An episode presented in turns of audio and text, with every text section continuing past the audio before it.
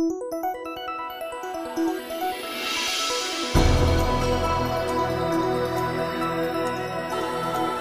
бацхан өрхөм сонсогчдоо Игэл радио 91.1-ийн радио жиргэний нэвтрүүлгийн баасан гарагийн дугаар эрхэм сонсогч та бүхэнд хүрч байна. За уламжлалсаар наран төгс гамбайр нар хөтлөн явуулгуулна.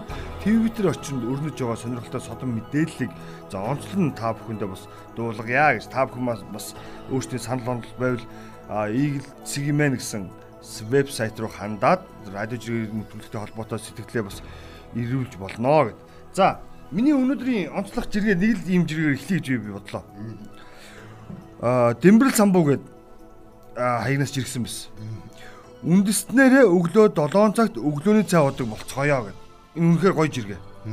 Би энийг бол өсөө арга ташин одоо юу гэдэг хөл ташч болдог бол тэрийг л ташч одоо дэмжмээр байгаа. Яг тэр монголчууд маань ерөнхийдөө сүүлийн үед бол ажил үйлсэн ерөнхийдөө дандаа орой эхэлдэг, юмыг асуудлыг шүн ярьдаг яам тамийн газрууд нь хүртэл тамга тэмдгээ солилцохдоо шөнөө сольдог нэг ийм байдалтай болчиход байгаа. Тэгвэл энийг байдлыг халъя л гэж хэлэх гээд. Өмнө хойлоо бас өмнөх дугаар дээр ярьжтэй. Ер нь бүх юм орой онгож байна. Тийм учраас өглөө баяа гэд. Тэгээ 7 цагт гэр бүл болгоноороо магадгүй тий? Албан байгууллагууд өглөөний 7 цаг цагт албаны одоо юу гэдэг уулзалтаа хийдэг, цаагаа уудаг болчих юм бол энэ өөрөө бидэнд маш том үр гүйж өгнө гэж л харах гэдэг. Тэгээ ерөнхий сайд ч гэсэн энэ давлгаа гэх юм уу санаачлагыг нэлээд дэмжиж өнөөдөр их чи мэдээлэл технологийн газар ажилласан байсан тий. Үнэхээр хувийн ившлэлт бол яг энэ арга хэмжээнүүд бол нэвтэрчээд байгаа. Хувийн ившлийнхэн бол уулзалттай хүнтэй уулзаж ажил ярих бол өглөө 5 чи ч гэдэг юм уу тий 7 цагаас ингээ уулзаад ямар нэгэн байдлаар зохицуулчихдаг. Одоо кофе шопууд ч гэсэн тэр ирж юмд тааруулаад үйл ажиллагаагаа эрхэлдэг болоод ш. Тэгэхэд бол бид нөгөө эрт тусвал нэг ий дуулна гэдэг шиг бас жоохон эртч байхад буруудахгүй хаа энэ их төвчрэл миний үед бол нэр ажлаа ихтгэх юм бол эрт таарна үр хүүхд гэр бүлдээ эрт тарина. Асуудал эрчийдэд сурчвал тий. Таан сарын цал шинийн барилдааны асуудал нэлээд чтэй өрнөж байна. Энэ яасан бэ гэхлээр цал тахлыг хөнгөж байгаатай холбогдуулаад нөгөө бүхий үргэнд болох шинийн барилдааныг цуцалчихсан чинь бүхчүүд маань говь алтай аймагт говь алтай аймгийн засаг даргатай юм нэгэн байдлаар холбогдож ярьж тэ.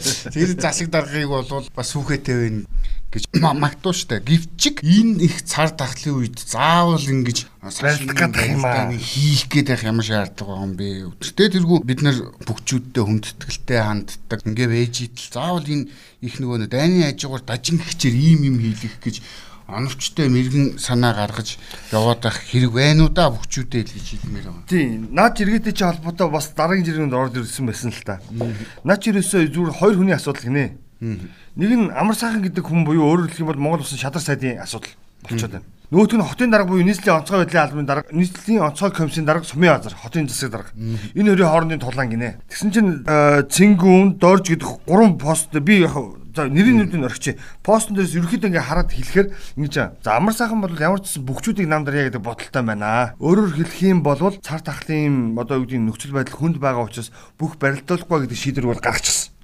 Гэтэл нийслэлийн онцгой комиссийн дарга За албан тушаалын нөхцөл байдлаас аваад үзэх юм бол тэр хүн улс төрийн нөхцөл байдлаас аваад үзэх юм бол амар сайхны үгийг сонсохтой болчихдог. Тэгэхээр манер мэрэгүү ухаас сүүгдэлсэн байна бүх хүний бас нэг юм зангаргүй шүү дээ. За тэгвэл аймагтай ярилцъя гэд. Тэгш аймагтай хинтээ ярилцсан бэ гэсэн чинь хуучин үндэсний бүх албаны тэргүүн бас нэмдэрж өгч хүн байдаг тийм. Тэр хүн бол говь алтай аймгийн хүн. Тэр хүнтэй ярьц. За та нэг жоохон тийм бац бадан нэцтэй бөхчүүдээ авидр нэцтэй гэд хэлцэн гинэ. Нэг тийм жиргэнүүд яваад л. Тэгэхээр энэ одоо яг бүх барилдах барилдахгүй да чухал биш зүгээр нэг хоёр хүний хоорондын арсалтаа би том чи том гэдэг л юм яваад байна гэдэг юм. Тэгээд энэ нөгөө бүхий холбооны албан бичиг нь хаяг нь болохоор хотын даргалаа. Юусоо тэр унаа үншний онгоцны асуудлыг шийдэж өгөөч ээ. Аваргаасаа хүсэлт явуулаад байгаа юм шүү дээ. Ерөөсөө л тэр зөө. Ерөөсөө хоёр хүний асуудал гинэ тэр яг жиргээ манай жиргээчд маань сайн мэдж байгаа. Жиргээ ороод ухаад үзэхээр яг доотлын сэтгэлдүүдийн ороод уншаад хариулт өгсөн байдлыг аваад үзэх юм бол амар сайхан том уу, сумын базар том уу гэдэг л юм уралдаан явж байгаа гинэ. Түүнээс хүчит 128 бүх барилгын чухал биш. Монгол төмнөө нүдэ баясгах нь чухал биш. Цар тахал чухал биш. Зүгээр л хин хинийхэн дээр гарч чадах вэ гэдэг ийм уралдаан өрнөж байна гэсэн ийм хөгжилтэй постууд явж байгаа. Тэр хоёроо бас сонсогчтой хэлжсэн. Ерөнхийдөө нэг хоржонтой юмнуудыг илүү дамгаа ярья гэсэн. Тэгээд нэг хоржонтой нь энэ байлаа гэж За, чин дараагийн За зүйл. өөр энэ одоо зөв электрод хөдөлгөөнөөс ч гэдэм үү ерөнхийлөгчийн сонгуулийн ухцсан үйл ажиллагаанууд юу ирчимжиж байна. Энэтэй холбоотойгоор манай алдарт зураач Цогтойр ах маань бас нэгэн уран бүтээлээ төрөвжээ. Манай хүн ч онцлог юм шүү би тийм бодсон шүү дээ. Үйл явдлуудыг маш соргохоор мэдэрч маш нарийн мэдрэмжтэй зураг зурдаг. За энэ зурагтаа болохоор тайлбараа юу гэж өгсөн бэ гэхээр сонгуульт өгөхөд хавь ойрын хамгал эмзэг сэдвэр эм зэвсэглэж элдв хараал ирүүлээр сумлагдсан цахим цулам бот тороолуудын айрам эрүүл сарвал ухааны чинь хил хязгаарыг давхаар наашиж айсгүй. Өрөөлийн үгээр бас өөрсдийн үзэл үзэл хандлагатай үнэнч байж өөрсдийн өндөрлөгөө өөдгүү новчнуудад бүү алдаарай. Ухрах газар үгүй. Ар чин амар тайван амьдрал бий гэдэг зураг зурсан маа. Энэ зурган дээр болохоор яг өндөрлөг газар дээрээс за энэ сошиал гэдэг хамгаалтын малгайтай хүн эсрэг талд нь болохоор энэ хүн болохоор алдснуудтай алдснаа гэж байгаа. Эсрэг талд нь болохоор дагсныг нь дагъя. Алд үүжил цаазал Путин мант тугай офшор Ааха. хужаа ирлиз гэсэн өрөө лооцсон барьсан Хүмүүс байлтж байгаа юм тийм. Тэгэхээр яг энэтэй адилханаар ер нь бол одоо энэ сонгуульд төгсөн үед бол иргэдийн үнэн худал нь мэдээлэх батлагдахгүй мэдээллээр бөмбөгч тэрхийг угааж буруу зүг рүү чиглүүлэхийг оролддог. Тийм болохоор та бүхэн минь тэр бүхэнд давталгүйгээр бас гэртээ сайхан дархлаагаа дэмжиад аль болох хөгжилтэй гэрүүлийнхэнтэй зугаатай Ааха. Тэр би яг. Тэгсэн би яг над э, сэтгэлээ чинь бас харчаа дараагийнх нь хариунууд нь юу гэж ирэх нэг хараад чинь идрод гэдэг нэг э, комедианууд те тэр битсэн байсан. Одоо ерөөсөө зөрөгтэй гүйцэтгэлтэй уг язороос уг язороос нь өөрчлөлт хийгээд өгөөсэй гэсэн зүйл хэлсэн ба. Энэ юу хэлж яах вэ гэхээр нүг өглөө босчоо гэдэг. Агуул. Одоо бид нар мэдээллийг ямарваа нэгэн байдлаар сошиал байдлаар хүлээж авах хэрэг байхгүй. Мөн үү? Өнөөдөр э, хэвлэл мэдээллийн зах зээл гэдэг юм бол өөрөө яг дэлхийн одоо юу гэдэг хэвлэл мэдээллийн түүх гэж нэг бас нэг юм байна шүү дээ. Одоо юу гэдэг баримтат кино түүх гэдэг шиг одоо юу гэдэг барилгын түүх гэдэг шиг ч юм уу тийм юм байна. Тэгвэл өнөөдөр сонин радио за ингээд дараа нь гурав дахьт нь телевиз энэ гурав үн баттай үннийг хилдэг. Өөрөөр хэлэх юм бол энэ гурав банд яг бодит их сурвалжаас асуудлыг хүмүүс хүмүүст хүргэдэг. Эргээд буух хаягтай буцах хаягтай. Буух эзэнтэй буцах хаягтай гэж. А телевизүүд ч гэсэн яг тийм байдлаар ажилладаг. Яг дүрсийг хараад хүний яриаг нь сонсоод хүн итгэдэг. А гэтэл сошиал болохоор яадаг вэ гэхээр наран төгсийн нэрийн өмнөөс хин нэг нь дуртайгаа бичиж болно. Наран төгс гэдэг нэрийг ашиглаад хин нэг нь дуртайгаа юу ч хамаагүй савж болно. Ийм л орчин байгаад байгаа учраас өнөөдөр радио, сонин, телевиз гэдэг бол хамгийн үнэн бодиттой мэдээлэл юм а гэж хэлэх. Уламжлалт Тийм. хэвлэл мэдээллийн хэрэгсэл. Тийм. Тэгэхээр би нэг би ягаад түүх ярьсан бэ гэхээр одоо хавтаа нэг сошиалын нэг 90 үе яваад байгаа. Гэхдээ уучлаарай. Хүмүүс ямар нэгэн нөхцөл байдал үүсгэд дандаа радио холбоогоор л бие биентэй харилцаа холбоо үүсгдэг байдаг юм түүх гэдэг. Та бүхэн мэднэ.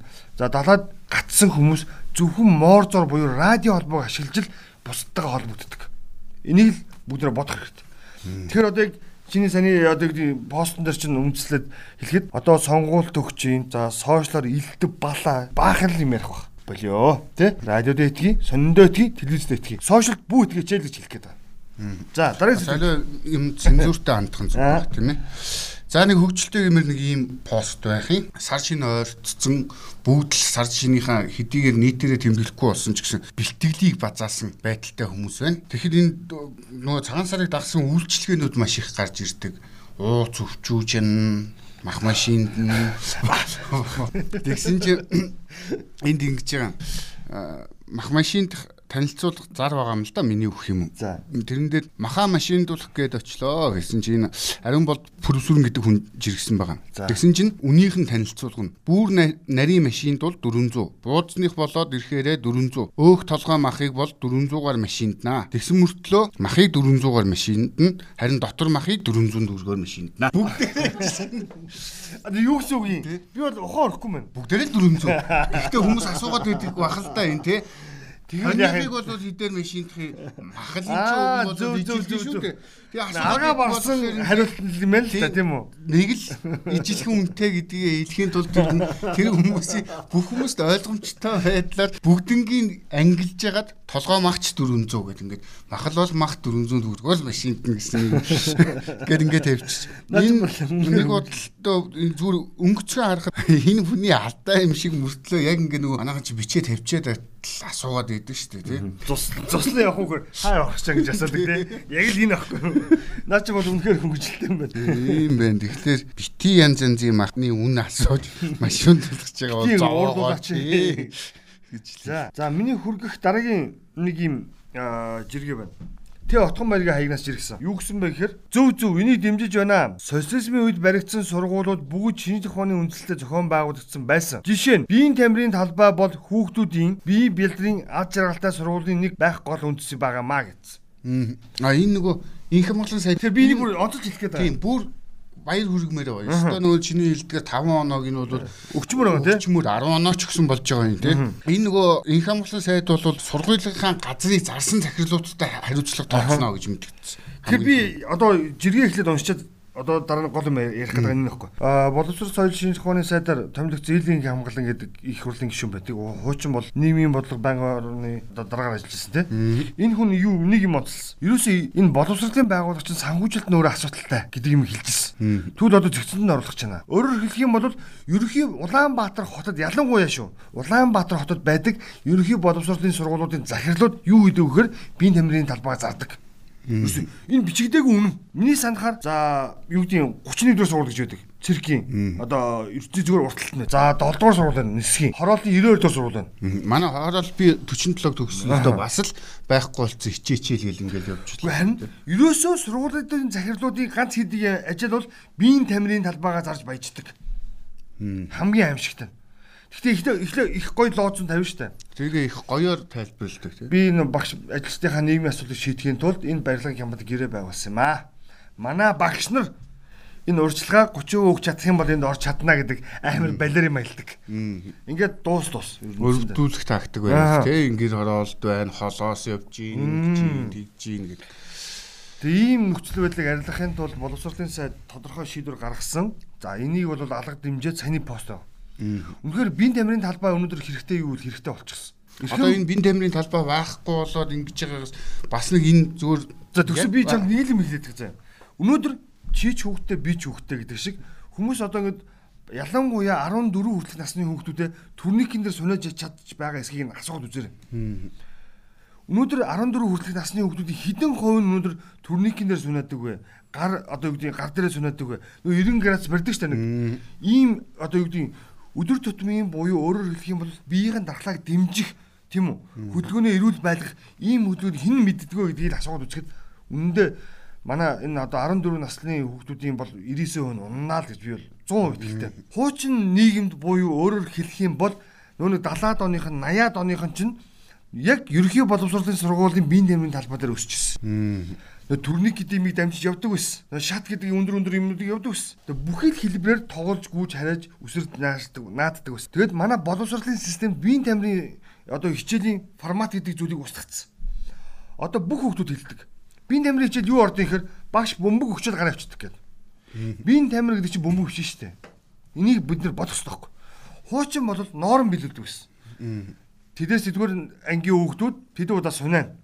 Тим тим тим үнцэг барина гэдэг юм байдаг ус. Ингээ яхаар аягүй хөгшин хуучны хүн болчих гээд байдаг. Энэ иргэний хамгаалт гэдэг хичээл байдаг ус тийм үү. Тэгээд тэр хичээл жишээлбэл шалгалт өгөхийн тулд бид нар одоо энэ авилгын тэмцэх газрын хажуудлын байшинд ирж одоо юу гэдгийг тухайн багштай асуугадаад тэгээд талбай дээр нь гүйл тариалт хийгээд үзүүлдэг ус. Гэтэл одоо энэ систем байхгүй. Энд чинь нэг хуучин нийгэм биш юм аа өнөөдөр хүний эрүүл мэндийг дэмжсэн цогц бодлогын нэг хэлбэр байсан юм аа гэж хэлэх гээд байна. Одоо наад бодлогууд чинь байхгүй болсон бид нар ерөөсөө хүнийхээ хөгжил биеийн эрүүл мэнд чийг байдалд анхаардгүйгээс болоод яг наадхандаа чи холбогдуулаад бид нар нэг сөрөг үзүүлэлтэр дээр бос тусуудаас тэргүүлдэг болж байгаа юм байна. Тэрийг н ануудаар гэдэг эмчиж иргсэн байна. Бид дэлхийд юугаараа тэргүүлдэг вэ гэдгийг та нар мэдхүү. Илгэний хавдрын өвчил нас баралтаараа Монгол улс жил бүр 4000 иргэний хавд иргэнэ хавдраа сууж алдчих байна. 3 сая гаруй иргэдтэй улсад бол энэ маш том тоо. Хавдар сэргийлж хавдраа сэргийлж болдгоо эдгэрч болдог өвчин шүү дээ. Эрүүл мэндэ анхаарцгаая гэд. Монгол 93.7%-ээр энэ дэлхийн чагсаалтад тэргүүлж байгаа юм тавьсан байна.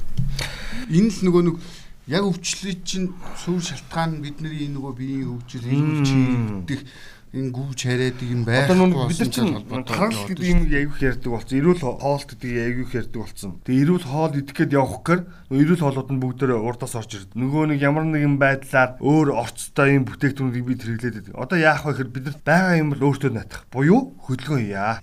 За одоо би дахиад л хэлье 14 хүртэл насны хүүхдүүдийг хідэн хідэн удаа сунаж чадах вэ гэдгийг та магадгүй манай нэвтрүүлгийг сонсож байгаа бол асуугаад үзэр. Турникэн дээр хідэн удаа сунаж чадах вэ гэдгийг асуугаад үзэр илүүдэлжин хараас үүсэлтэй үүдийг хүүхдүүдээс асуугаад үзэр. Илүүдэлжинтэй болж гинэ гэд бид нар хүүхдүүдийн хоолыг хомох биш. Харин эсрэгээр нь хүүхдүүдийг хөдлөх ёстой.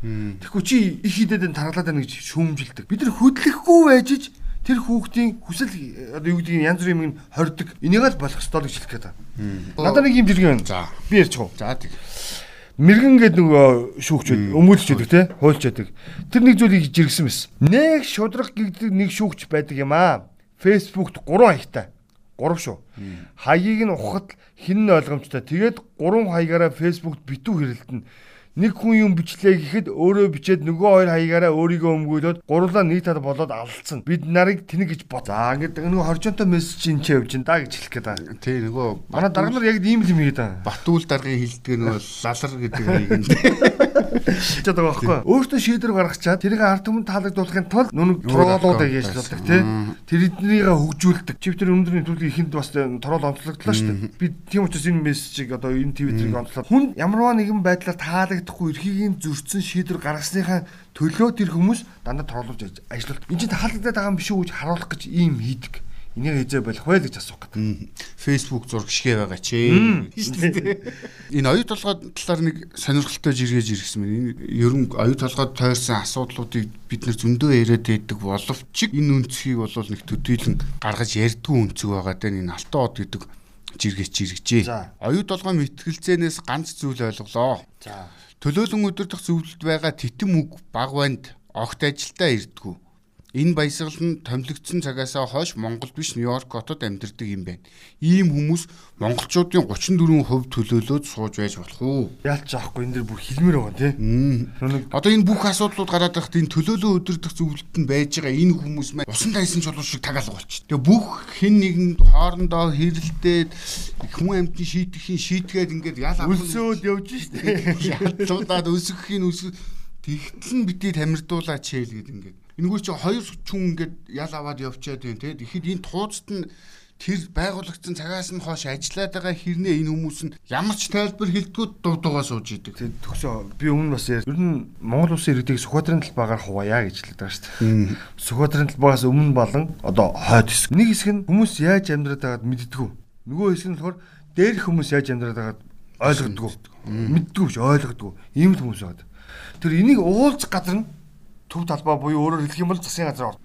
Тэгээ бодлого хаанаас гарч ийнэ буюу хэнийг томилж ийнэ гэдэг чинь өөрөө төв талбай болчих. Тэр нацгийн баг банд гэдэг хүн бол Монгол улсын 2 дахь хэлэгч 8 жил Монгол улсын төрийн тэргүүнээр заларсан титэм үг бичдэг. За Завхан аймгийн Яруу сумын гэл аюу тодтолтой л да олон юм ярьдаг. Гэвч энэ хүн маань өөрөө яг юу хийсэн бэ гэдгийг бас эргээд бас харуул яасан бэ гэдэг. Ялангуяа сонсогчд маань бас энийг сонсож байгаа бол бодох ёстой.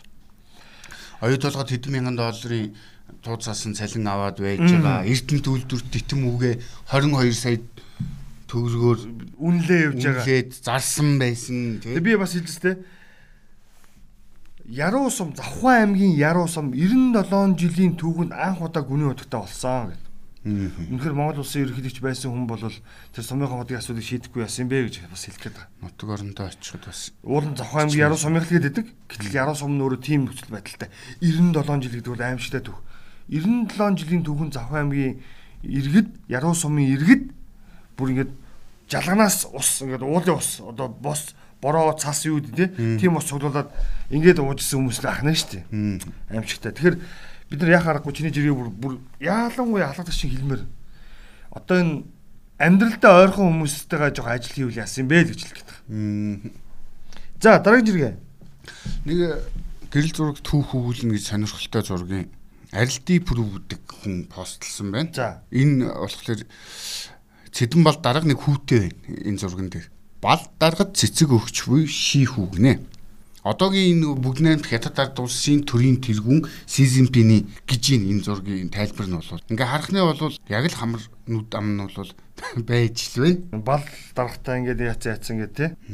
Тэгэхэд одоо энэ жиргэг онцлтгийн учир нь болохоор яг саяны яриатай чи холбогдуулаад хэлэхэд бол энэ хүн бол хятадыг яаж өдөртөж байна вэ тий. Өнөөдрийн байдлаас авилга гэдэг юм энэ үзүүлэлтүүд нь байхгүй боллоо. Хятад жилдээ 180-аас 240 мянган албан хаагчдыг авилгалын хэрэгээр барьж шийтгэж байгаа ийм мэдээллүүд явж байна тий.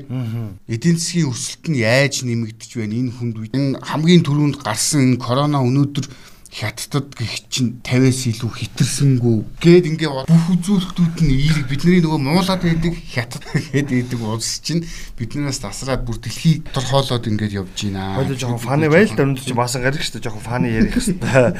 Тэгээд одоо чи харин ингээ бидний энэ би хань хэлэх гээд шүү дээ. Даргын хажууд байсан хүүхэд Өнөөдөр тэр бум гарын хүнийг удирдаад ингээд авилгагүй нийгмийг зохицоогоо явж идэг аа. Гэтэл баал даргын хүмүүжүүлсэн нийгэм өнөөдөр өөрөө авилгыг тэргүүлдэг орн болоод явж байна гэд бас бодох хэрэгтэй тий. Яг харахгүй бид нар энийг зүгээр хоржонтой байдлаар хэлэх юм бол баал даргаагаар бид нар өшөглөд явуулсан хүмүүс шүү дээ. Тэгээд нэг тийм хүмүүс чинь яаж аргагүй одоо баал даргаас одоо юм авч үлддэг байх нь тэр шиний мэж байгаа царай нь одоо ийм л байгаа болоо гэж хэлэх гээд байна. Одоо тэгэхээр би бол тэгж хэлэх гээд байгаа юм л да. Энэ титэн өгшөө байгаа ч ээ л гэж хэлсэн тий. Яалтч яахгүй. Дараагийн нэг пост би нэг ийм жиргээ онцлоо. Инх бэлэг вандан гэд хаягнаас жиргсэн ба. Эхнэр араас аригчин минь гэд өшгөлж байхад л хөлийн хуруугаа тулгацхыг гэж санаа зовж штэ. Эн чинь хайрцтай гэж. Би одоо энийг бүр бүр өнөөдөр баасан гараг учраас би зөвхөн онцолж хэлмээр байгаа. Алийн олон нөхрүүд сүүлүүд нь хар виз аавн янз бүрийн виз аавн гэдэг ярианд орчихсон байгаа. Тэгээд эхнэрийн хэлж байгаа үг болгон ч өөрөө бас цаана агуулгатай байгаа, хайр байгаа тий. Тэгтэл түүнийг давсан хайр гэдэг чинь нөхөрт байгаа шүү гэж бас хэлэх гээд байхгүй юу. Хичнээн эхнэр муухай ажиллаад явууллаа ч гэсэн нөгөө талдаа яна хөлн толчих үедээ бодоо байж идэг гэдэг чинь том хайр үстэй.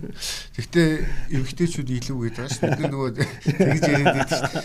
Эр хүний дотор имэйлтэй хазаартаа морь багтдаг гэсэн чинь эмгтээ хүний дотор болохоор эр хүн имэйлтэй хазаартаа морьтойгоо хамт хажууд нь явж байгаа эмгтээтэй. Тэгээ бүгдийг нь үнэлсэн үнэтэй. Тийм үү? Багтнаа гэдэг. Тэгэхээр манай бүсгүүчүүд мундаг үлээ гэж. За За дараагийн жиргээ. За чи ямар жиргээ вэ? Надад нэг юм жиргээ байна. За онцлоод хэлэх юм бол ингэж байна. X-Res INC-г үүсгэн байгуулагч Минд орчих. Өнгөрсөн 20 гаруй жил төр машин төр маш олон хулгайч тендер иддэг компаниудыг маш цэгцтэйгээр бэлдсэн гэдэг. Энэ нөгөө нэг сайн нэг уулзалт болсон юм байна ялангуяа бизнес эдийн засгийг ялангуяа тийм төсөл хэрэгжүүлэгч нарыг хамарсан нэг уулзалт зохион байгуулсан юм л. Тэгээ энэ үеэр энэ яригц асуудал. Тэгсэн чинь тэр минд орчих гэж залуу аа минд орчих гэж залуу өөрийнх нь байр суурийг хэлсэн. Ерөнхийдөө ямарваа нэгэн байдлаар төртөө хамааралтай үйл ажиллагаа эрхлэх гэхээр төр шууд орж ирдэг. Эсвэл тэр компаниг дампууруулна эсвэл хуу авдаг. Ерөөсөө ийм л үйл ажиллагаа хийдэг. Тийм учраас өнгөрсөн 20 жил гаруй хугацаанд төр маш олон хулгайч тендер иддэг компаниудыг маш цэгцээр бэлдсэн гэж. За энэний нэг чиг би яг энэ постыг авсан дээр би нэг зүйлийг бас уншиж байгаад харсан л та. Монгол улс хуулийн нэмэлт өөрчлөлт гэдэг зүйлийг хийсэн. 2020 оноос 2021 оноос хэрэгжээд явж байгаа тийм. Үндсэн хуулийн нэмэлт өөрчлөлтөн дээр нэг үнэхээр алгадчих маш шийдвэр байна. Газрын хөвлөдөх баялаг бол бүх ард түмний өмчөө. Мөн үү? Тэгтэл эсрэгээр өөр одоо механизм үйлчлэлт нийгэмд ус гадарга дээрх ус болоод гүний усыг бүгд захиран зарцуулах хэрэгтэйгээр дур мэдээ ашигладаг. Тодруулбал уул уурхайн компаниуд өөрсдөө лиценз авчдаг. Юу хайгуултын бай, ашиглалтын бай ямар нэгэн байдлаар нэг юм талбай дээр лиценз авдаг тийм үү? Тэгүнгүүтээ тэр лицензийн энэ зурус доторх үйл ажиллагаа бол минийхаа гэж шууд орилдог. Тэгэд орилсныхан хүчин тэд нар дуртай маа ухаж аваад сэндэж гараа аваа явдаг.